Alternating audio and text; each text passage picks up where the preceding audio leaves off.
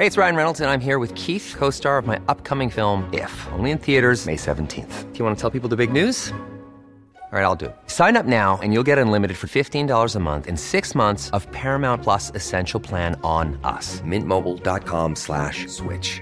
Upfront payment of $45 equivalent to $15 per month. Unlimited over 40 gigabytes per month. Face lower speeds. Videos at 480p. Active Mint customers by 531.24 get six months of Paramount Plus Essential Plan. Auto renews after six months. Offer ends May 31st, 2024. Separate Paramount Plus registration required. Terms and conditions apply if rated PG. This is Paige, the co-host of Giggly Squad, and I want to tell you about a company that I've been loving, Olive and June. Olive and June gives you everything that you need for a salon quality manicure in one box. And if you break it down, it really comes out to $2 a manicure, which is absolutely insane. It's also so easy to get salon worthy nails at home with Olive and June. The difference between how your nails used to look when you did them yourself and now with the Manny system is a complete game changer. The best thing about Olive and June too is it's a quick dry, dries in about one minute, lasts for five days, and full coverage in up to one to two coats. Visit oliveandjune.com slash perfect Manny 20 for 20% off your first system. That's oliveandjune.com slash perfect Manny 20 for 20% off your first system.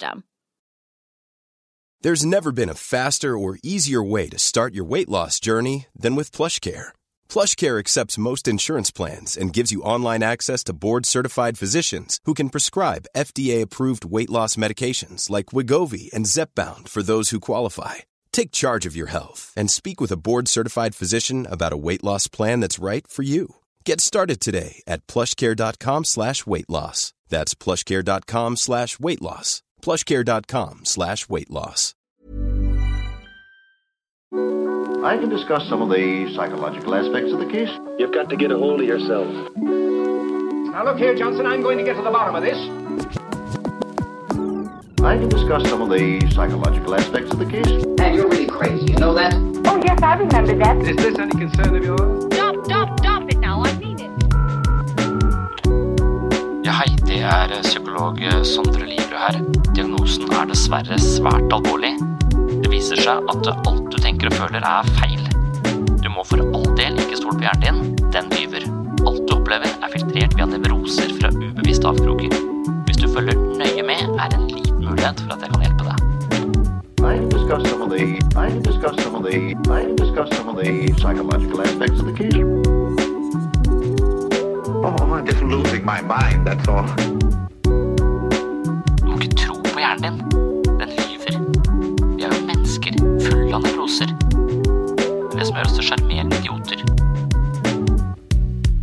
Jeg hørte en episode av podkasten til Sam Harris hvor han snakket med filosofen Kiran Seteya. Det uttalte jeg helt sikkert feil, men jeg er usikker på hvordan det uttales. Han hadde uansett skrevet boken med tittelen Midlife – A Philosophical Guide. Denne boka hadde mange aspekter som omkranset mulighetene for å leve et meningsfullt liv, og blant det Sataya diskuterte, er forholdet mellom såkalte teliske og ateliske aktiviteter, og det synes jeg var veldig interessant. Denne distinksjonen hentet han fra Aristoteles, som sa at det er to brede kategorier av aktiviteter som kan gjøre livet meningsfullt. Det er de teliske og de ateliske aktivitetene. Telos på gresk betyr formål eller mål. Teliske aktiviteter varierer fra ganske vanskelige og prestisjetunge prosjekter, som å komme inn i den olympiske troppen for en bestemt idrett eller skrive en bok, til de mer vanlige med å ta en høyskolegrad eller få en forfremmelse på jobben. Problemet med teliske aktiviteter er at de genererer et paradoks. Hvis du mislykkes, er du ulykkelig fordi du mislykkes, men hvis du lykkes, så forsvinner gleden du fikk av å nå målet ditt akkurat i det øyeblikket du oppnår det, eller kort tid etterpå. De fleste av oss har opplevd antiklimakset ved å oppnå et mål. Jeg har skrevet ferdig tre bøker selv, og hver gang har jeg forventet en veldig tilfredsstillelse, men følelsen var mer i retning av tomhet, etterfulgt av spørsmålet om hva jeg skulle gjøre nå. Saken for profesjonelle idrettsutøvere er sannsynligvis enda mer alvorlig. Du jobber hele ditt liv for å vinne World Cup, US Open eller spille på landslaget. Svært få mennesker oppnår faktisk den slags målsetninger, men når du først har gjort det, stirrer du på resten av livet ditt hvor du neppe gjentar den bragden, og selv om du gjentok det, ville det ikke være det samme. Uansett vil sannsynligvis ikke kroppen din tåle den typen behandling og treningsregimer, så du må pensjonere deg i en alder der de fleste bare begynner å etablere en fast kurs i livet. Så poenget er at teliske aktiviteter kan være svært meningsfulle for folk, men de kan ikke opprettholdes som en varig kilde til mening, og de genererer misnøyeparadokset som jeg nevnte tidligere. Så hva skal vi da gjøre? Aristoteles foreslo at den andre formen for aktiviteter kan komme til unnsetning, ateliske aktiviteter. Dette høres først merkelig ut, du mener at jeg skal få mening i livet mitt av ting som ikke har noe mål, hva i huleste? Men her er det likevel en del viktige elementer.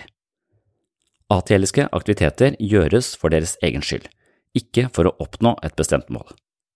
For eksempel i tilfelle du går ut på tur bare fordi du liker å gå, eller hvis du ikke driver med en sport fordi du ønsker å bli profesjonell, imponere andre og lignende, men fordi du liker det. Aktiviteten er sin egen belønning, og i motsetning til teliske aktiviteter er den potensielt sett uendelig fornybar. Uten tvil er de viktigste ateliske aktivitetene i et menneskes liv å tilbringe tid med partneren din, barna dine, hvis du har noen, og vennene dine. Dette er ting du gjør for deres egen skyld, ikke fordi du sikter mot et fjernt mål og de er behagelige, meningsfulle og varer potensielt sett livet ut. Men du kan også gjøre relasjonene dine om til teliske aktiviteter, og det gjør du ved å ha fokus på å bli likt, vinne prestisje, få status, bli likt av spesielle personer osv. Hver gang du har en eller annen agenda hvor du skal vinne et eller annet mål i kraft av din tilstedeværelse sammen med andre mennesker, så har du gjort den ateliske aktiviteten av å være sammen med andre for sin egen del om til noe du skal vinne, og da har du gjort det ateliske om til noe telisk, og det kan bli ganske slitsomt. Så vidt jeg har forstått, skriver Kiran Sataya i takt med den stoiske filosofien, på linje med psykologen Sven Brinkmann fra Danmark, som er en uttalt tilhenger av stoisismen og et nøkkelbegrep i stoisismen er at det viktigste gode i livet er utøvelse av dyd. Og dyd, det er å gjøre noe, ikke for å få seg selv til å se bra ut eller for å oppnå et personlig mål. Det skal praktiseres fordi det er bra i seg selv, det er sin egen belønning. Det vil si at dyd er en grunnleggende atelisk aktivitet, og den gir oss stadig mening. Den er derfor en utømmelig kilde til mening, mens de teliske aktivitetene gir mål og motivasjon, men lett fører oss til mismot, og gevinstene kan være sporadiske og mindre attraktive enn det man innbiller seg, altså skuffende. Et godt liv er til syvende og sist en fornuftig blanding av teliske og ateliske sysler. Sett deg for all del mål å få lønnsforhøyelse, skrive en bok eller konkurrere i OL, men ikke glem her og nå oppmerksomheten som skal gis til menneskene du har rundt deg, og aktiviteter som ikke fører til et bestemt mål, men som gir noe for sin egen del. I dagens episode skal jeg reflektere litt videre over denne distinksjonen og se hvordan disse konseptene kan kaste lys over følelsen av press, prestasjon, perfeksjonisme og en tirade av krav og standarder moderne mennesker føler de må leve opp til. Kan det tenkes at vi må minne oss selv på dyd og verdien av det ateliske? Det er spørsmålet i dagens episode av Sinnssyn. Da er vi tilbake til, tilbake til perfeksjonisme, som jeg egentlig er dykka ned i flere ganger.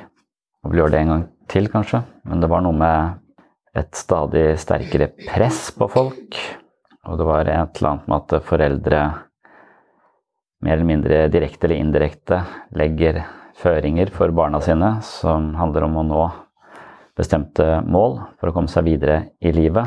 Og kanskje man oppfatter at det å komme seg videre i livet er stadig mer krevende. Det krever mer av oss på skole. For skole blir liksom billetten vår videre. Og at vi, barnet da hele tiden får noen sånne opplevelser av at ting må presteres. Og at den tiden man bruker på rekreasjon, lek og aktiviteter som ikke nødvendigvis er så, ja, så målretta, får mindre plass, da. Og da er spørsmålet om det kan gjøre noe med oss.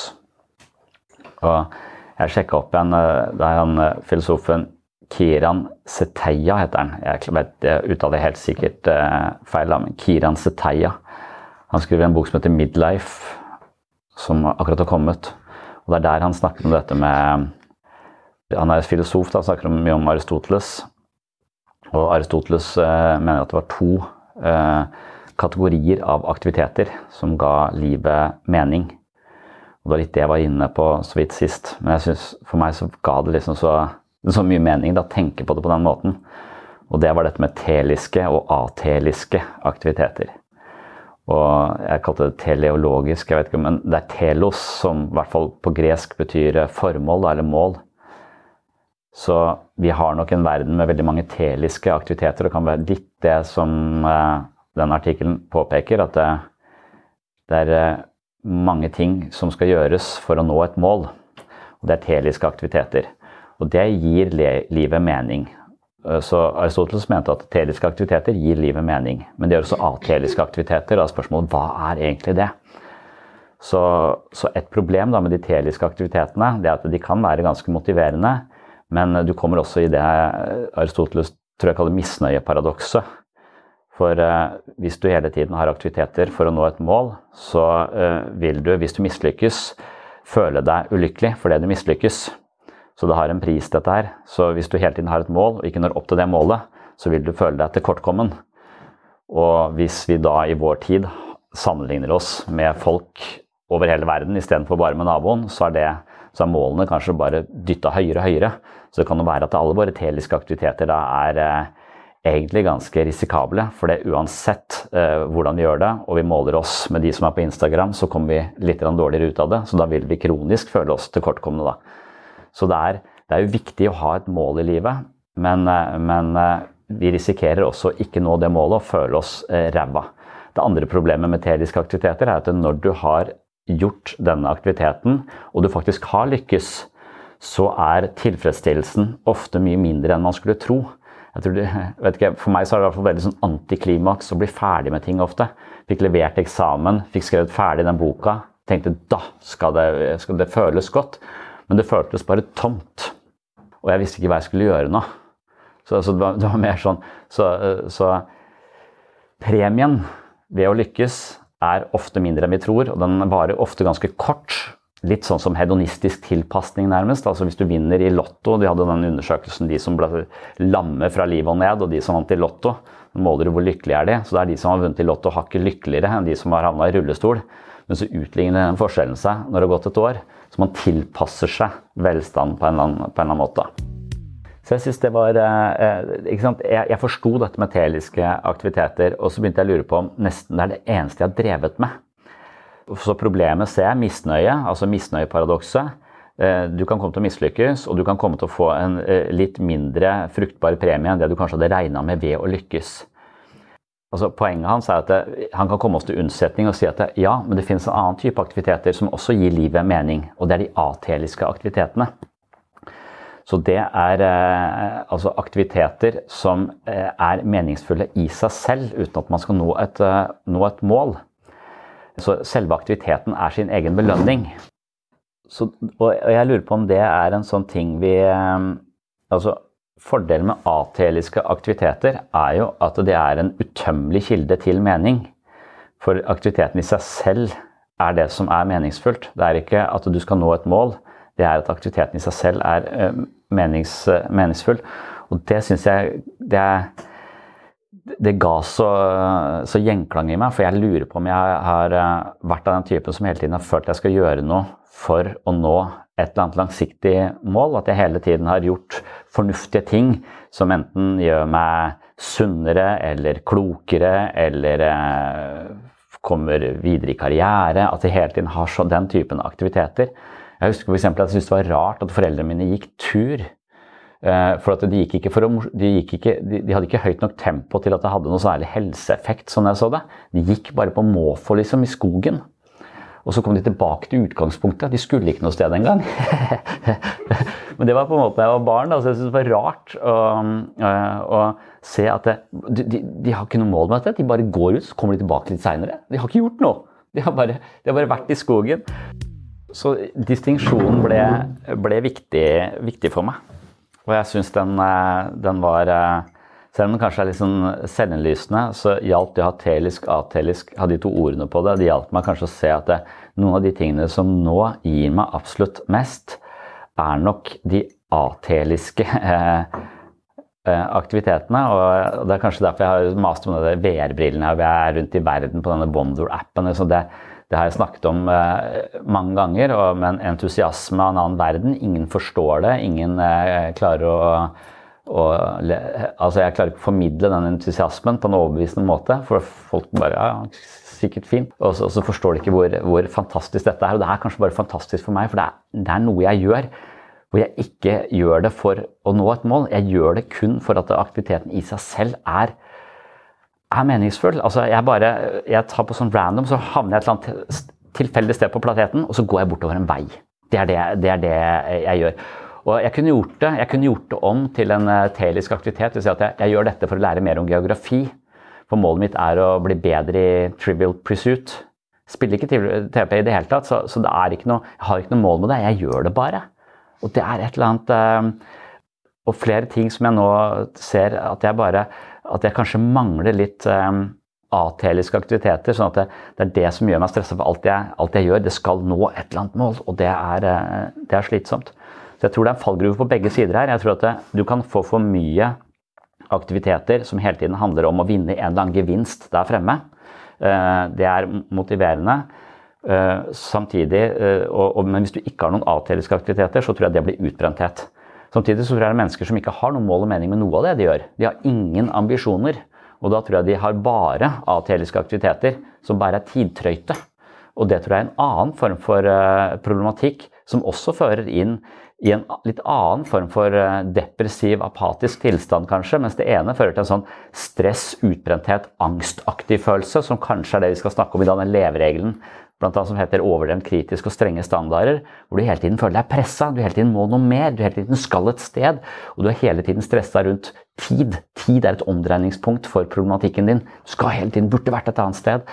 Eh, det, det tror jeg ligger på den A Nei, på den teliske siden. Mens eh, den ateliske siden, det er litt sånn jalla jalla. Vi har ikke noe her, her, er det litt lite ambisiøst, det er litt lite mål. Vi gjør ting og Da får du den derre for lang ferie-problematikken.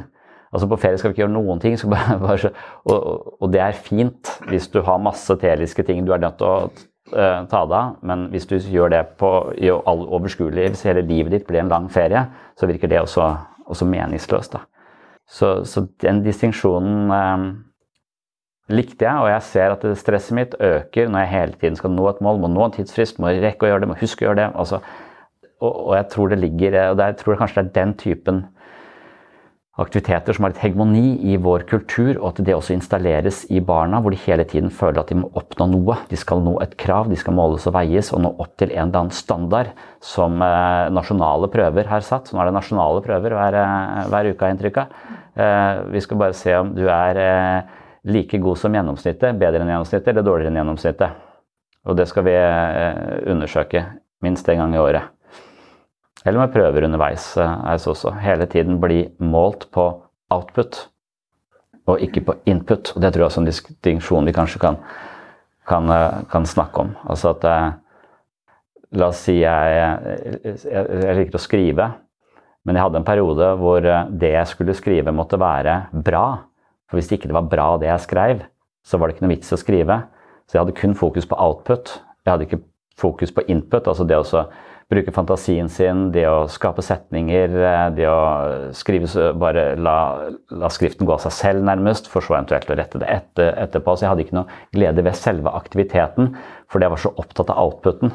Jeg var ikke opptatt av inputen, at inputen kunne bli en jeg skulle nå et mål. Skulle, det, var, det, ble telisk. Mens eh, skriving har også i perioder vært atelisk for meg. Noe jeg bare gjør fordi det litt som å høre på musikk eller konstruere setninger som, eh, som jeg ikke visste bodde i meg engang. Altså at det er et eller annet den skapende prosessen der som, eh, som, er interessant i seg selv. Og selv om det jeg da skriver er ræva eller ikke skal noe sted, så kan det faktisk ha en verdi. Men det er veldig lett at jeg fanger det over i noe som skal nå et bestemt mål, opp til en bestemt standard. Og da kommer også skrivesperra inn, eller vegringen for i det hele tatt gjøre noe. da. Så jeg, jeg tror eh, det å utsette ting og det å ikke komme i gang med ting og sånn, ofte handler om at jeg hadde fokus på output eh, og ikke på, på, input. For meg så er det bare når jeg får de orda på det, så er det som om eh, de orda fungerer litt som lykter, og så kan jeg litt legge merke til hva jeg gjør, når jeg gjør det, og hvorfor, hvorfor jeg gjør det. Og så, jeg, og så, ga det litt lys til at jeg, jeg skjønner ikke hvorfor jeg er så overentusiastisk på den turgåinga av de VR-brillene. Og at det er ingen andre som har eh, tent på det på samme måte. Jeg har vist det til mange òg, men ingen, ingen får den samme sånn der, uh, ingen synes det er, Men jeg lurer bare på om jeg er liksom litt underernært på ateliske aktiviteter, og at det er fantastisk for meg å gjøre noe som ikke har en eller annen bestemt hensikt, eller skal noe sted. Og jeg gjør det også med sønnen min. og har fått sånn bordtennisbord oppe i en også, og Jeg spilte masse bordtennis da jeg var, var liten. og og er egentlig ganske god i det. Og, så, og han er ti år, så han uh, lærer veldig fort og blir raskt mye bedre. Men jeg liker bare å stå og slå med han, så vi bare kommer helt i flyt. vi bare kommer, Ballen bare går, og da forsvinner tida. Det, går kjempe, det, er, bare, det er som å være oppslukt, da, uh, nesten i flow, da, med, med å spille, spille, bordtennis. Men så vil han hele tiden uh, spille til elleve. Kan, kan vi ikke konkurrere? Og så tenker jeg, men Da blir det jo en eh, telisk aktivitet. Da skal vi nå et mål. Da skal en av oss vinne, og en av oss skal tape. Og jeg vinner, for det er mye bedre enn det. Eh, og jeg gidder ikke å late som om jeg er dårlig, for det gjennomskuer det blir bare fake. Så jeg kommer til å spille sånn som jeg spiller, og du kommer til eh, å tape. Jeg sier ikke dette, men jeg tenker det inn i hodet mitt. Jeg skjønner ikke hvorfor han hele tiden skal i den situasjonen. For han blir så jævlig sint når han taper. Jeg skjønner ikke hvorfor han skal inn i denne målrette aktiviteten mot at én skal vinne og én skal tape. Hvorfor skal konkurransen inn i det vi holder på med? Og kanskje fordi han er preppa inn i det. Alle spillene han spiller, de skal nå et mål, de skal komme til neste level, de skal få en karakter. Og hele den livsjaget der sånn, det tror jeg det kan være veldig meningsfullt, men det kan også føre til eh, det tipper over i utmattelse, og at eh, livet må balanseres mellom ateliske og teliske aktiviteter, ifølge Aristoteles, da, for, å, for, å, finne en sånn god balanse i mening. For det er, ulike former for mening vi får ut av de ulike aktivitetene. Da. Jeg lurer på om eh, f.eks. psykologifaget for min del eh, at det var akkurat dette jeg gjorde med psykologifaget. For alt jeg har lært inni huet mitt før jeg begynte å studere psykologi, har jeg gjort for å komme et annet sted enn der jeg var. Jeg har bare eh, panisk vært interessert i, i o-fag og samfunnsfag og naturfag. og Jeg har ikke vært interessert i det hele tatt. Jeg har bare gjort det jeg skal for å få de karakterene jeg trenger for å komme til neste, neste brett. Så jeg har ikke hatt sånn voldsom grad av eh, interesse i noe. Jeg prøvde å innbille meg at jeg har interesse for det, og det hadde jeg kanskje, men det var det drukna i behovet for å få det tallet på det faget for å komme til neste, neste brett. Og, og, jeg tror nesten når jeg begynte å studere eh, psykologi, så hadde jeg den samme mentaliteten i meg. Jeg visste at jeg, nå må jeg lese dette for å få den karakteren på den prøven som, som kommer der. Men på et eller annet tidspunkt så tror jeg jeg skjønte at det, dette er såpass interessant at jeg skal aldri slutte å studere det. Dette, dette her skal være det jeg gjør i mitt liv. Jeg skal lese og forstå psykologi fra i dag til jeg dør. Og dermed så spilte ikke eh, jeg, Det spilte ikke så stor rolle hva jeg fikk underveis disse, på disse målepunktene. For det hadde jo egentlig, og Dessuten så skjønte jeg etter hvert at det er ingen arbeidsgivere som spør hva slags karakterer du fikk på universitetet heller, med mindre du strøyk, liksom. Var, jeg snakker med folk, de, de spør aldri om du, du bare sier at du har fått diplom, liksom, for at du har eh, gjennomført. Så det spiller fuck all hva du, hva du gjør på det enkelte. Og det eh, hjalp meg. Da slapp jeg å stresse med det. Og så tenkte jeg at ja, men det, dette her er det jeg har tenkt å bruke hele livet mitt på. Så dette her er det som skal skape mening i mitt liv. Ikke fordi at jeg skal nå, jeg skal bli ferdig eh, uteksaminert etter eh, seks år på universitetet. Jeg, bli ut, jeg, blir aldri uteksaminert i dette her. Dette skal bare være akkurat med, altså Jeg klarer å gjøre det til, en, eh, til noe hvor aktiviteten å lese psykologi var belønnende i seg selv, ikke for å nå et mål. Og Det tror jeg var sånn at de fem årene kanskje ble de beste fem årene jeg har gått på skole ever. For de, var, de hadde en helt annen kvalitet. Og jeg tror jeg klarte å, å skifte det fra en, eh, fra en telisk til en atelisk greie for meg. Og det syns jeg var en eh, Det har jeg ikke tenkt at det var det, nødvendigvis det jeg gjorde. Jeg ble jo mindre opptatt av output også. Jeg ga faen i karakterene. Og det, det var lett for meg å yte input fordi jeg var drevet av en, eh, en, nysgjerrighet på det. Og jeg har jo fortsatt å studere psykologi. og Nå har jeg jobba her i 17 år, og før det så var jeg eh, på universitetet. Men jeg har jo lest om psykologi noe nytt hver eneste uke pga. dette. Jeg har satt i systemet også. Jeg må, se, jeg må, lese et eller annet nytt om psykologi hver eneste uke pga. dette. Eh, og, og, det gjør jeg ikke som Å, nå må jeg bare få gjort det. Det gjør jeg fordi det er en fin praksis for det jeg har bestemt meg for. Akkurat som jeg kanskje har bestemt meg for å være i skogen minst to ganger i uka. For jeg elsker å være i skogen. Ikke for å gå 5000 skritt, 10 000 skritt, men for å bare kjenne på naturen. Og, og så setter jeg det inn i, inn i rutinene mine, inn i vanene mine. Og ikke noe jeg gjør for å nå et bestemt mål, bare noe jeg gjør for det, er, det gir verdi og mening. Og jeg har tilskrevet verdi. Det er også en viktig ting ved det, tror jeg. Ja, for det er en avsløring at perfeksjonisme ikke, ikke fins. Altså, det fins ikke Det er ikke noe som er perfekt. Altså, alt er bare i bevegelse. Og så Noen perspektiver er bedre enn andre perspektiver. Noen bøker er bedre enn andre bøker. Noen ideer er mer virkelighetsnære. Noen ideer er mer spennende. Noen ideer er mer kreative enn andre. Så det er liksom ikke noe det er ikke noe clear Det er ikke noe, det er ikke noe endestasjon på, på dette. Og det er ingenting som Alt er bare perspektiver, så det drevet av en form for uh, nysgjerrighet, ikke et riktig svar. Så har Jeg snakket, jeg tror også det, det, det tippa over i en eh, Eller det, det er eh, jeg, jeg, hadde på et eller annet tidspunkt en følelse at det var det eneste valget jeg selv hadde tatt. Jeg følte at før jeg valgte å reise til et annet land og studere psykologi, så, så, hadde jeg egentlig ikke tatt noen egne valg. sånn sett. Jeg hadde bare hørt på hva samfunnet sa, hva foreldrene mine sa. Jeg hadde nudga i ulike retninger. Jeg hadde det, det, var helt tydelig at jeg skulle på NTNU og gjøre ditt eller datt med et eller annet sånt. Det var sånn, men, men, på et eller annet tidspunkt så, så brøyt jeg altså Jeg tok ikke det valget som var det opplagte valget, fordi jeg kanskje følte at eh, jeg måtte eie det selv. Eh, og, og, og, det var vanskelig, for da skulle jeg plutselig gjøre noe for min egen del. Jeg skulle få karakterer, ikke for å vise det til noen, men det skulle bare være Altså, dette, dette måtte jeg, eh, dette prosjektet måtte jeg eie. Og jeg vet ikke om jeg har den der overdrevent kritisk, men jeg kan kanskje kjenne meg litt igjen i den, eh, i den leveregelen. At det, at det, har vært noen standarder i miljøet rundt meg som har vært eh, ganske høye, og som man hele tiden har strebet etter. Og som har gitt deg en ganske høy følelse av press veldig lenge.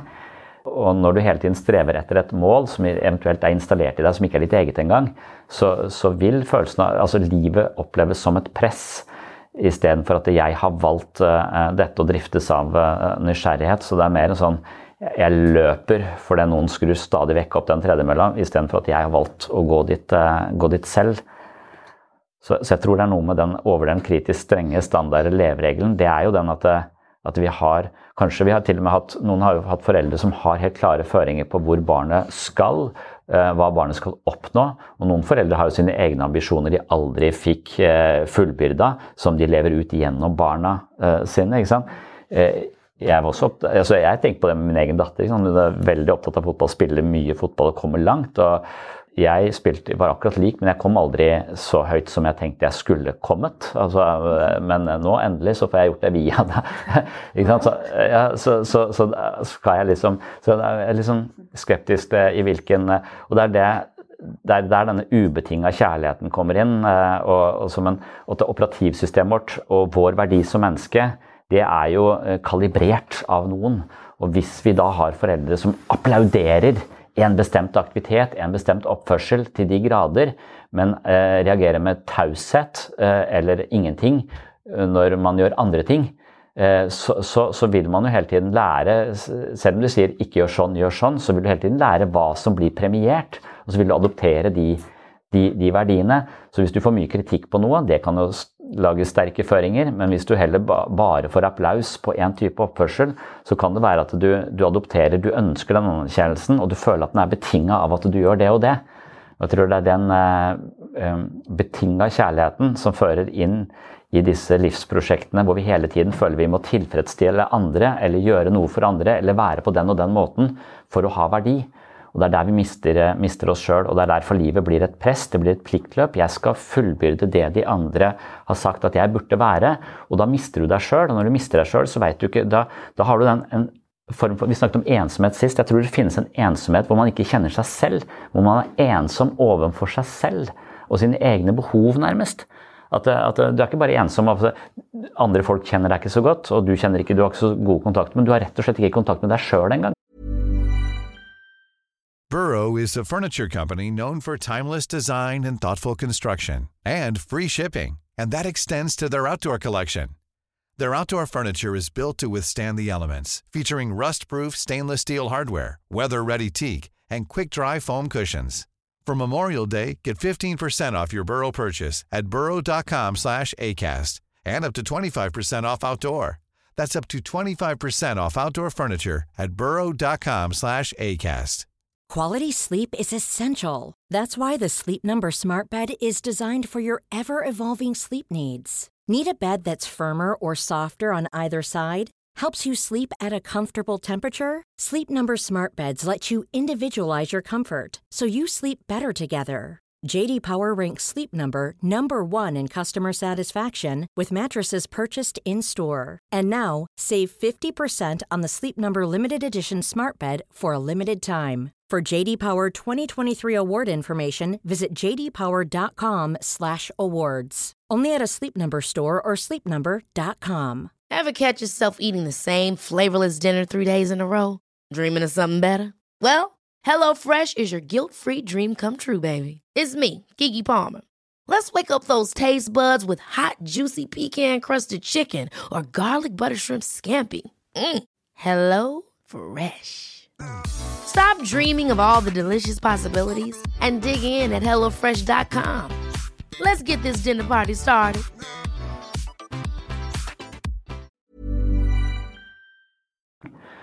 Fordi at du har vært så opptatt av å tilfredsstille alle de ytre kravene at du mista deg selv underveis. Og da tror jeg at uh, man føler seg konstant frustrert, kanskje til og med irritert. Og, og, og en stor grad av engstelse hele tiden for å leve opp til de, til de krava der. sånn. Det er, det er liksom essensen av denne leveregelen. Strenge standard, overdrevet kritisk. Kommer fra Young og Klosko, disse skjematerapeutene, som sier at vi har noen skjemaer installert i huet vårt på bakgrunn av hvordan vi har lært å kjenne oss selv i møte med andre, andre folk. Og dette her er en leveregel som gjør at livet blir en evig kamp, eller et slags eh, hamsterhjul som du faen ikke kommer ut av. da. Og, så, og der er liksom den der selvhjelpslitteraturen skiller seg litt på om, om, det faktisk finnes en kjerne i oss som har et bestemt talent eller en bestemt misjon hvor vi skal et sted. Og så da, da sier folk jeg må finne meg selv, som om jeg leiter etter noe bestemt. Og det er forkludra av alle andre krav og sånn rundt meg, så jeg må leite etter meg selv. Jeg har ikke, tror kanskje ikke nødvendigvis at det er eh, for den andre eh, den andre eh, delen av den psykologien sier du kan bli hva du vil. Altså, du er en slags blank tavle. Du kan skrive det du ønsker på denne tavla. Du er ikke noe bestemt du er født som, på en måte, så du trenger ikke å finne deg sjøl. Du kan skape deg selv. Så er, Du kan finne deg selv eller skape deg selv. Det er to forskjellige. Men jeg tror kanskje at vi kan finne noen interesseområder eller talenter som vi er litt i utgangspunktet litt, uh, har en liten, en liten, fordel på, som vi kan uh, utnytte til vårt eget, og, og, at det blir vårt eget valg og interesse. Da. Men når, uansett hvordan du ser på det, så kan det bli forkludra av andres føringer. Og det er nok det, så jeg, jeg tenker nok at uh, vi er såpass avhengig av å bli likt, høre til i flokken osv., så, videre, så vi vi, vi, har en tilbøyelighet til å gjøre andre til lags og glemme oss selv. I hvert fall noen har det. Noen har det helt motsatt, og de blir president. ikke sant? Så det, du kan ha det helt motsatt også.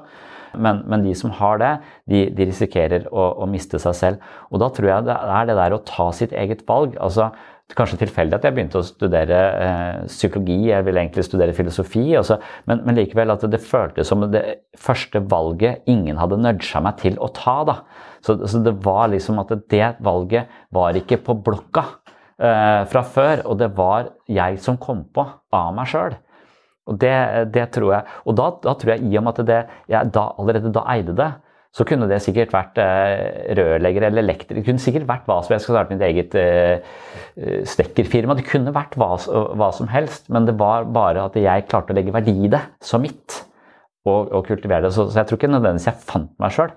Jeg tror jeg, jeg for første gang skapte meg i, i, mitt eget bilde, og ikke nødvendigvis i andres uh, bilde. Og det var ikke det at foreldrene mine la så veldig mye føringer heller, de var veldig åpne på hva så, så, Men jeg tenker at jeg, jeg, jeg, opplever at de var ganske åpne på det, og da tenker jeg det skal ikke så mye til fra en forelder, et lite blikk eller altså, Jeg tror det fins en del foreldre som går sånn Å ja, du gjør det på den måten, du, ja.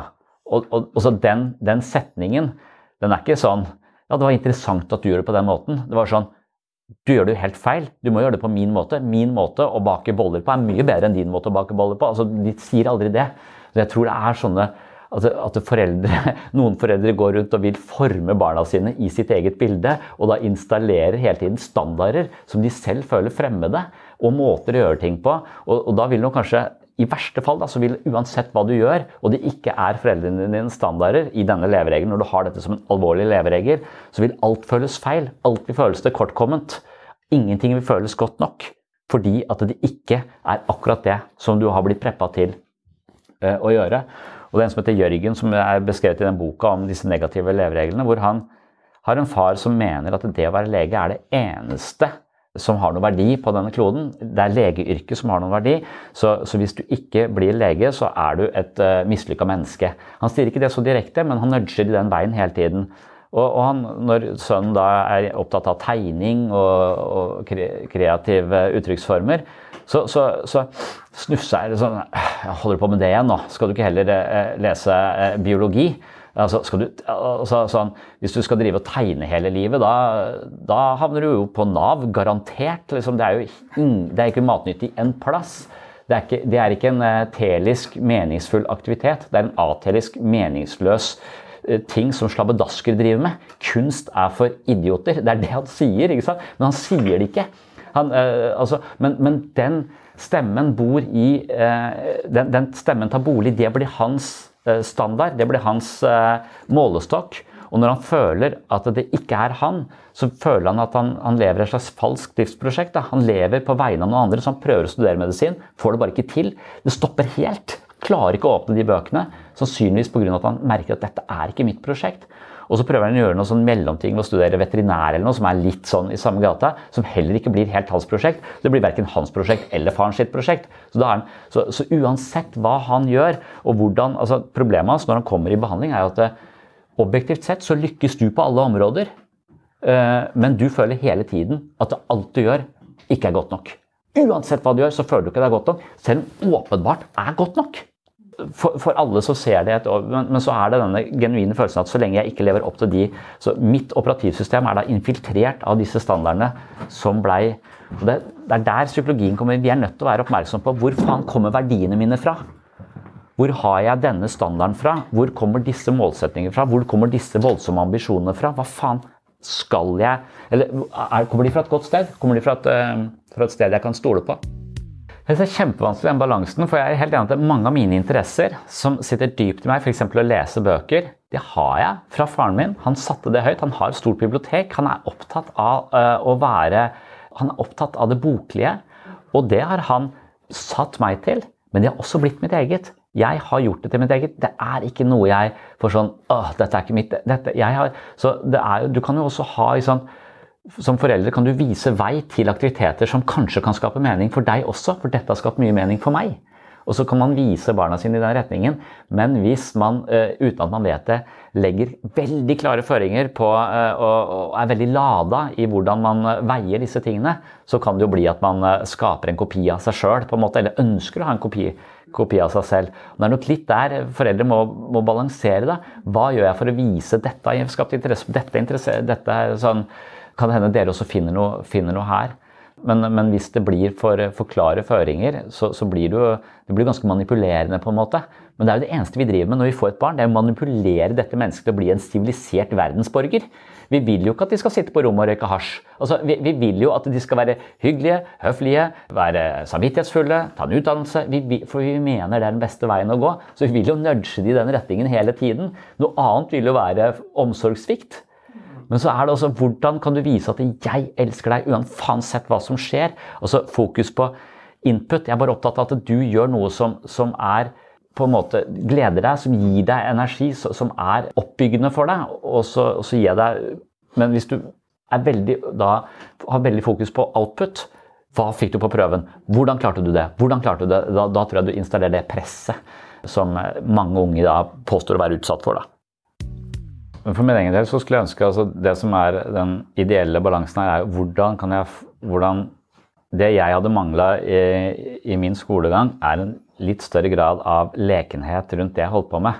Det var gravalvorlig, for det var Hvis ikke jeg fikk det og det, så kom jeg ikke dit og dit. Og, og da visste jeg nesten ikke engang hvor jeg skulle engang. Bare visste at dette er veldig alvorlig. Så det er den der veldig alvorstunge greia som jeg tror blir verre når vi fokuserer på output enn på, på input. Så det er jo litt det Når vi har sånne pep-talks med fotballjentene, så er det jo liksom at det, Drit i de andre laget har så fine drakter. Drit i at gutta er å se på denne eh, kampen. Prøv, prøv å ikke fokusere på resultatet. Nå er vi her, og hvis vi gjør det vi har trent på, og hvis dere gjør, eh, finner hverandre og gjør det vi har trent på, så er alle vinnere i denne kampen, uansett hva, hva resultatet blir. Ja, ikke sant? Ja, Det kan være en distinksjon, en aktivering isteden, men, men egentlig en eh, fokus på input. Hvis vi nå bare gjør altså Det å være bruke entusiasmen sin rundt fotball, være lekne rundt det. altså med en gang Vi er nødt til å vinne denne kampen. Så blir vi jo eh, motivert på en mye mer anstrengt måte, for det. Selv om det også er målet i den kampen. Eh, og det er målet også på skole, så du, du kommer ikke unna at du må ha en karakter. for å komme, kommer, Det er en virkelighet her. Og så er det en hvordan kan jeg på best mulig måte være leken i møte med virkelighetens krav. Uh, og hvordan kan jeg forholde meg til det på en sånn måte at, ikke, uh, at jeg ikke blir stiv av skrekk? Eller full av prestasjonsangst? Eller så selvbevisst at jeg ikke klarer å, å stokke beina mine, liksom? Det er jo et greit perspektiv å ha, men, uh, men hvis du ser jeg, jeg, er jo litt for at barn er litt Hva skal si Du sa umodne. De er jo ikke super altså, Problemet kanskje for dagens foreldre er at de kjemper imot det barna tror de vil, er ikke nødvendigvis det som gjør de bra, når du har algoritmer på alle skjermer rundt dem som, som, som trekker de i bestemte eh, retninger. Og man har sånn ja, det, er, det er et helt, et helt vell av økonomiske aktører inne for å prøve å fange barna dine med dopaminpushere som er langt større enn det du kan makte å rå over. på en måte. For Jeg har sett at skole, jeg har, jeg har hørt at man har skoleplikt, jeg, og det har jeg alltid følt. Ja, det er skoleplikt. Det, jeg måtte i militæret, jeg måtte på skolen. Jeg hadde ikke noe valg. Og Derfor så, så, ville det aldri kunne være å følge mine egne impulser. Liksom. Det var en del av gamet å bare gjøre de tingene som ikke nødvendigvis falt deg naturlig. Eh. Når det står 'Hvordan utvikler folk denne over den kritisk strenge standarder' modus operandi da, i sitt eget eh, indre liv, så er det hvis omsorgspersoner har vært forbilder for veldig høythengende og ubalanserte standarder. At de har hatt veldig Eller at man har eh, hele tiden eh, fått kritikk for en type ting, og, og blitt, eller motsatt blitt rosa veldig for noe, men ikke blitt, eh, blitt sett på, på, andre ting. Altså denne betinga kjærligheten. Eh, men så er det også ofte at man er eh, eldst i søskenflokken, som om foreldre har, eh, har høyest forventninger til den førstefødte. At det, dette er en leveregel som man ser går mer igjen hos nummer én. Og det kan jeg også forstå at jeg forholder meg annerledes til, eh, til min yngste eh, datter. Og det sier man tørker støv av nummer tre, liksom. Men, eh, men, det er jo noe mer sånn lekent overfor det også, at det var, man var jo liksom stressa selv som foreldre, ikke visste hva man skulle gjøre, og hadde kjempehøye standarder som sannsynligvis har smitta inn i, i, den e, eldste. Men som den nummer tre, liksom sånn å, jeg faen, glemte å hente Ja, hun gikk hjem sjøl, ok, fju. Altså, det er litt, litt sånn Ja, deilig. Så, så at den det, det, er klart at det, måten jeg oppfører meg på etter å ha prøvd det to ganger før, den vil jo være annerledes. Eh, og, og det er de førstefødte som oftest er eh, Eller sånn på gruppenivå, da, har denne, denne tingen. Og symptomene er tvang. Altså det, det, er flere ting. Eh, det er flere avskygninger av den leveregelen. Det kan være tvang. Det at man skal holde alt i en eller annen sånn skjønneste orden. Det er sånn veldig kontrollbehov. Man skal liksom ha kontroll helt ned til minste detalj. Og så er det dette med prestasjonsorientering. Man konkurrerer mye, man skal være best. Man setter hele tiden Man har en sånn sammenligningsmodus overfor andre, noe som er en slitsom måte å være sammen med andre på. Så finner du også arbeidsnarkomaner, som ofte er irritable. Hele tiden skal, ha disse teliske aktivitetene. Jeg skal gjøre noe med, en, med en, et eller annet mål. Og hvis jeg skal gjøre noe som ikke har det målet, så kan jeg kanskje parallellprosessere det målet likevel. Altså som jobber, jobber seg i hjel. Og så er det de som er orientert etter status, som er opptatt av eh, de som er opptatt av å ja, høy status, se bra ut. De som er opptatt av kvinnehelse, da. Som det er i, i disse, disse, dager med Pia Tjelta, at et, eh, et glatt ansikt gir en glatt sjel. Eh, eller hva det, hva, hva, hva det står. Altså at det, Men at, at, man er, at man er veldig opptatt av å score sosiale poeng, ha høy status, se veldig bra ut, og at veldig mye av verdien ligger, ligger der sånn de krysser, vel, de, de krysser, vel, over i hverandre innimellom også. At, at, det å perfeksjonere noe kan også være at du blir oppslukt, at du blir så god på det. At, at det blir nesten opphøyd. Resultatet blir eh, på en helt sånn men det kan nok være at hvis du virkelig skal bli helt sykt god i ting, så må det være en uh, atelisk element ved det. At du må gjøre dette bare av gleden ved spillet. At Michael Jordan blir Michael Jordan. Kanskje fordi han pushes og pushes og pushes, eller Ingebrigtsen blir det fordi faren er psyko gæren, liksom, og, og kjefter, kjefter, på dem. Men, men, det må vel være en eller annen som gleder ved det, å gjøre det ikke bare nå et mål. Jeg tror liksom at, eller det kan være man kan komme dit uh, begge veier, da, men jeg, jeg tror det det vi virkelig brenner for fra innsiden, det vil også kunne bli veldig, veldig bra. Men motivasjonen vår, for det er forskjellig. og Når, du da har tre barn, og, jeg ser at det, strenge standarder er eh, risikabelt ved den første, for der har du så høye ambisjoner, eh, eller det er mest normalt uten at du veit det sjøl engang. Og når vi da har hatt en sommer med Rubiks kube, så, så ser jeg sønnen min som er yngre, han, han, bare er helt tent på dette. og Så spør han hvorfor han driver med det, så kan han ikke forklare hvorfor han driver med det. Han skal bare, han skal bare finne ut av layer, second layer, og så til slutt så løser han denne på 30 sekunder. og bare, Han bare elsker å drive med det. og Så spør jeg dattera mi hvorfor hun eh, driver med det. Hun gjør det litt fordi broren gjør det og, og, for å slå han, men hun gjør det også litt fordi hun tror, hun, tror hun blir smartere av det. og, og, hvis hun blir smartere, så er det lettere å gå på skole og få gode karakterer. Så hun hadde en helt klar målsetning med det. Hun var ikke så jævlig interessert i den Rubiks kuben, men hun, hun, trodde at det utvikla huet hennes på, på, en måte. Så derfor så gjorde hun det litt sånn som, som trening. Tenkte, den motivasjonen er førstefødt. det føltes veldig førstefødt motivasjon. da. Mens han bare ja, gjør det som virker som bare han trives med, på en måte. Men, men, det er ikke noe lett, mener jeg. For, for jeg, jeg, mener at jeg kan kjenne meg igjen i å være overdrevent kritisk, og at jeg har mange ting jeg gjør. For, og at jeg kanskje, men, men jeg, jeg, føler jeg kjemper en evig kamp mot verden og deres høye standarder. Og så blir jeg Jeg kjenner at jeg, jeg blir forbanna på de som setter standardene, og så blir jeg forbanna på meg selv som lever opp til de standardene. Så Jeg blir sånn dobbeltforbanna. Jeg blir forbanna innover, jeg blir forbanna utover. Jeg blir egentlig bare en stor clusterfuck av irritasjon. fordi at det, og det, Jobb er et eksempel. altså jobb på, på sykehuset så kalkulerer man med at vi skal produsere, vi skal effektivisere med 2% hvert år. Det legger man inn i budsjettet. fordi man forventer at folk hele tiden, for hvert eneste år som går, gjør ting litt mer effektivt. litt mer effektivt, og Derfor så går det på en budsjettsmell hvert år. fordi folk gjør ikke det. De gjør så godt de kan hele tida. Eh, og det er så godt de kan. Eh, mens det at vi hele tiden tror at vi hele tiden skal, skal være mer produktive, og altså, Hele den mentaliteten ligger der. Og, og, og jeg blir så forbanna for at ja, og så blir jeg litt mer produktiv. Da så følger jeg de kravene, så blir jeg mer og mer sliten. og så, og så bare altså, Jeg lever opp til det samtidig som jeg hater det. Og jeg syns sånn standarder sniker seg inn i livet mitt på, på, en sånn måte at jeg tror at det er jeg som er fucked. Jeg tror det med fotball. Jeg tror at jeg må, på, jeg tror at jeg må ha sånn Fifa-kurs som trener for å trene en femåring i, i, fotball. De har lurt meg til å tro det. Jeg, jeg stiller på fotball, jeg er på fotballen hver jævla dag, og jeg føler meg som en slabbedask. For det, er en sånn unnasluntrer som ikke har tatt alle de kursa jeg skal. Så den eneste følelsen her er å være Beklager at jeg er her, sorry. Altså, altså, for de, de, av og til så tror jeg på de standardene. Jeg tror at det, ja, jeg, jeg, må jo eh, ta en permisjon nå, og så få reist til Italia og tatt disse kursa. Så, så, jeg kan trene Barcelona. Altså, jeg, jeg, altså, så du må være på vakt mot det hele tiden. Og du må være på vakt mot de, de folka som er rundt deg også. For de folka som er nær deg, de setter også standardene altfor høyt. Og det, jeg mener, Standarden på meg er også altfor høy. Altså, hva, hva, min kone forventer av meg, det er altfor høy. Og, og, det som er så jævlig det, Og det har jeg skjønt. Jeg vet at når hun lever mye sammen med meg og er misfornøyd med meg, så er det fordi hun mangler sammenligningsgrunnlag. Så jeg tar og sender henne på sånne Jeg prøver å pushe henne ut på sånne klubber og symøter og sånn, for da begynner de å snakke om sine menn. Og de er mye dårligere enn meg. De gjør mye faenskap. Masse idiotiske ting.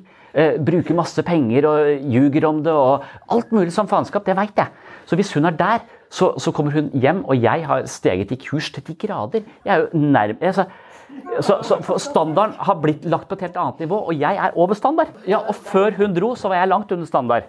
Så på morgenen, da var jeg helt her nede. Og når hun kom hjem fra den klubben klokka ti på kvelden, så er jeg eh, eh, Og jeg har ikke gjort en dritt sjøl. Jeg har bare justert hennes standarder. Og sånn er vi. Vi er utsatt for andre standarder. Vi er utsatt for våre egne standarder. Hvor kommer de fra? Og hele tiden leve opp til, uh, til det, og ikke ta et velinformert valg. Og, og, når du lever som forelder i dag, altså, så er det Facebook-grupper som er direkte giftige. Hva, hva slags standard vi har, hva som vi må og ikke må, og hva som er farlig og giftig, og alt mulig sånt. Nå. Og, og, og du, Hvis du da er litt sånn tilgjengelig for den typen standarder, så har du ikke noe annet valg enn å føle deg kronisk tilkortkommen. Kjøpe nye ting. altså Dette her er jo hele ideen i kapitalisme også. At vi skal føle oss mindreverdige og dårlige, at vi mangler et eller annet. Så vi skal kjøpe et eller annet som kompenserer for det. og så, altså, ja, så jeg mener at den mest revolusjonære ideen i dagens samfunn det er å være tilfreds og fornøyd med den du er. Da er du en skikkelig anarkist. Da er du liksom Dagens punker er tilfreds. Ja, bare, bare, Hvis du er tilfreds, da, da, ødelegger det. Hvis alle våkna opp og var tilfredse, så hadde hele systemet kollapsa. Da, da, hadde vi gått, da hadde renta, da hadde Doe Johnson liksom blitt psykotisk. Da hadde ingenting fungert. Så vi må for all del ikke bli fornøyde med oss sjøl eller tilfredse. For da, da ryker eh, hele systemet vi har bygd opp. Vi må føle det, at vi mangler noe, at vi har feil, eh, og at det er et eller annet vi kan kjøpe som eh, tilfredsstiller det, eller en eller annen selvhjelpsbok vi kan lese. Men, men, det er jo også et samspill der. når man liksom har en standard Du skal ikke, du skal ikke lyve overfor meg. Men hvis jeg er veldig sjalu og driver, og driver, et slags forhør hver gang du har vært uh, ute av huset på hvem du har og ikke har møtt, og den andre da merker at hvis jeg sier jeg har møtt den og den personen, og det var helt eh, legitimt, så blir den andre enda mer undersøkende, enda mer skeptisk. Altså, så, du, så, du, kan jo bli pressa inn i løgn også. Så, så, det er jo noe sånn eh, det, det, det, å ha disse Jeg tenker at to mennesker må, må klare å vokse sammen og ikke, ikke det er ikke en statisk størrelse, det er ikke et perfekt forhold. Det er et forhold som hele tiden må prioriteres og vedlikeholdes og undersøkes. og det må, det må jo, Vi må sørge for å ikke gå inn i de blindveiene, på en måte. Jo, men hvor raus skal du være overfor den andre? For det kommer jo ikke fra et ondt sted. Det kommer fra, en, eh, fra, et sted hvor vedkommende er veldig usikker på seg selv. Så det kommer fra et selvusikkert sted som gir seg uttrykk i en form for sjalusi. Det er et veldig vanlig problem fra mange parforhold, i hvert fall når man er ung. Ja, for jeg har vel en slags idé om at, eh, at enhver løgn, selv så lite den er, bygger et eller annet Det er én murstein i den veggen som bygges opp mellom oss. Så uansett hvor eh, velmenende og veldig ofte så lyver vi vel egentlig for å skåne andres følelser. Det var jo det som var poenget mitt at Veldig ofte så sier du ting fordi du tenker at den andre vil høre det. Og Det er også en sånn slags degradering av den andre. Du tåler ikke mitt perspektiv. Mitt perspektiv er ikke sant, men det er likevel mitt perspektiv. Men jeg forkludrer det for å, for å skåne deg. Så jeg syns enhver sånn tilløp til det tror jeg subtilt skader relasjonen. Men én gang skader ikke relasjonen, men når det blir mønsteret, så, så, så bygger det til slutt så blir det en vegg som er så, så høy at du ikke ser den andre. da. Men jeg synes også det er, det er, viktig å være et menneske som ikke presser andre til å lyve. At det, spesielt når jeg, altså det å gi folk et slags privatliv, da. spesielt når man har barn og sånn, ikke være sånn, altså, være venn med barnet ditt sånn at du vet alt du driver med. Altså, jeg, jeg, jeg, er glad for at ikke foreldrene mine visste alt jeg dreiv med. at de har, og, og, Jeg kan godt komme hjem og se at uh, de har uh, sønnen min har tatt godteri et eller annet sted. Sånn.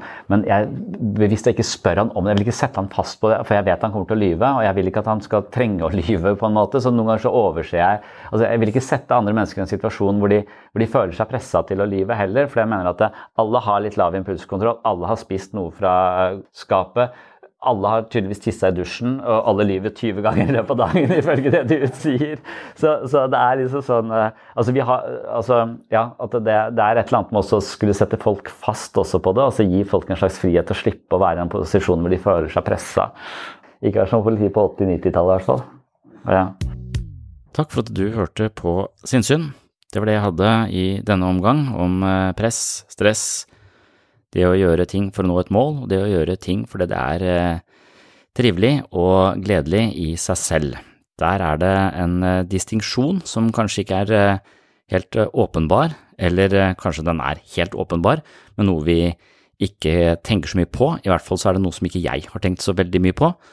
Men distinksjonen mellom de teliske og de ateliske aktivitetene, det gjorde faktisk litt eh, inntrykk på meg, og jeg har nok innsett at eh, ofte så sniker det seg inn noen teliske motiver som gjør at jeg tenker jeg skal prestere eller oppnå et eller annet eh, bestemt, vinne en eller annen gevinst i fremtiden, og det forstyrrer ofte en slags ro eller tilstedeværelse i det jeg holder på med. Så her er vi også inne på det å leve i nuet, altså være her og nå. Det tror jeg hører til de ateliske kvalitetene ved våre små og store gjøremål, mens eh, de teliske aktivitetene de er ofte på jakt videre. Så evnen til å være til stede her og nå, det var kanskje noe som til og med Aristoteles var inne på. Så mye av det vi gjør, gjør vi for å oppnå et bestemt mål, altså. Vi ønsker å prestere på en bestemt måte, nå en viss standard, utvikle noe eller høste en gevinst, og det er den eh, fremtidige måloppnåelsen som besørger brorparten av motivasjonen i den aktuelle aktiviteten. Problemet med aktiviteter som handler om måloppnåelse, er risikoen for å ikke lykkes og følelsen av tilkortkommenhet, skuffelse, selvbebreidelse og misnøye som lurer i skyggen av aktiviteter som motiveres av å komme frem til et punkt i fremtiden. Men når vi lykkes, kan det tenkes at vi blir fornøyde med oss selv, men gleden ved å oppnå et mål er ofte mer flyktig enn vi tror. Veldig ofte har jeg selv opplevd å nå et mål, fullføre en utdannelse, få seg jobb, skrive ferdig en bok osv., men gleden ved måloppnåelse var skuffende kortvarig. Jeg har blant annet skrevet ferdig tre bøker, og hver gang har jeg opplevd et slags antiklimaks, en følelse av tomhet og et spørsmål om hva jeg egentlig skal gjøre nå. Dermed er det ikke sikkert at det er aktiviteter med den hensikt å nå et bestemt mål som tilfører livet mest mening, men finnes det andre typer aktiviteter, og det var det som var tema i dagens episode. Så ifølge Aristoteles finnes det altså aktiviteter som man gjør fordi aktiviteten i seg selv er meningsbærende. Denne typen aktiviteter fører ikke til en belønning i fremtiden, men er i seg selv belønning nok. Det kalte Aristoteles for ateliske aktiviteter, og det kan være en utømmelig kilde til mening. Det motsatte er da aktiviteter myntet på måloppnåelse, som kalles for teliske aktiviteter, men som vi har sett havner man lett i misnøyeparadokset i jakten på måloppnåelse. Man risikerer å ikke nå målet, noe som fører til misnøye, og man risikerer at gevinsten ved målet ikke er like tilfredsstillende som man innbilte seg. Og det var hovedbudskapet i dagens episode av Sinnssyn. Hvis du vil ha mer sinnssyn, så kan du nå tegne et abonnement på Acast pluss for å få reklamefrie episoder med ekstra episoder hver uke. Du kan tegne et abonnement på mitt mentale treningsstudio og få masse ekstra episoder og mange mentale øvelser. Bøkene mine, opplest som lydbøker, som fungerer som et slags treningsprogram inne på mitt mentale treningsstudio og den samme typen materiale får du også inne på Sinnsyn-appen, som også skal fungere som et mentalt treningsstudio, full av ekstra episoder av denne podkasten, masse meditasjonsøvelser og programmer og en hel haug av annet materiale som skal eh, stimulere våre mentale muskler på ulike måter. Så hvis du vil ha mer sinnssyn, så veit du vel hvor du skal gå. Tusen takk for at du hører på denne podkasten. Og takk til alle dere som har gitt podkasten tilbakemeldinger i ulike mm, sosiale medier og disse plattformene hvor det er viktig med ratinger, blant annet inne på iTunes og i Spotify, og hvis du har lastet ned appen, så er det veldig viktig med ratinger inne på AppStore. Så ja, tusen takk til alle som har gjort det, og tusen takk til alle dere som har tenkt til å gjøre det en gang i fremtiden. Det hjelper denne podkasten veldig mye. Så det var det for denne gang. Håper du henger med i neste episode. På gjenhør.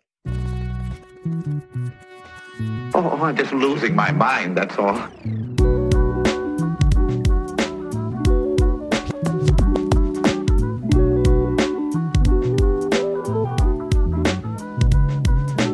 I can discuss some of the I can discuss some of the I can discuss some of the psychological aspects of the case. Psycho, psycho, psychological aspects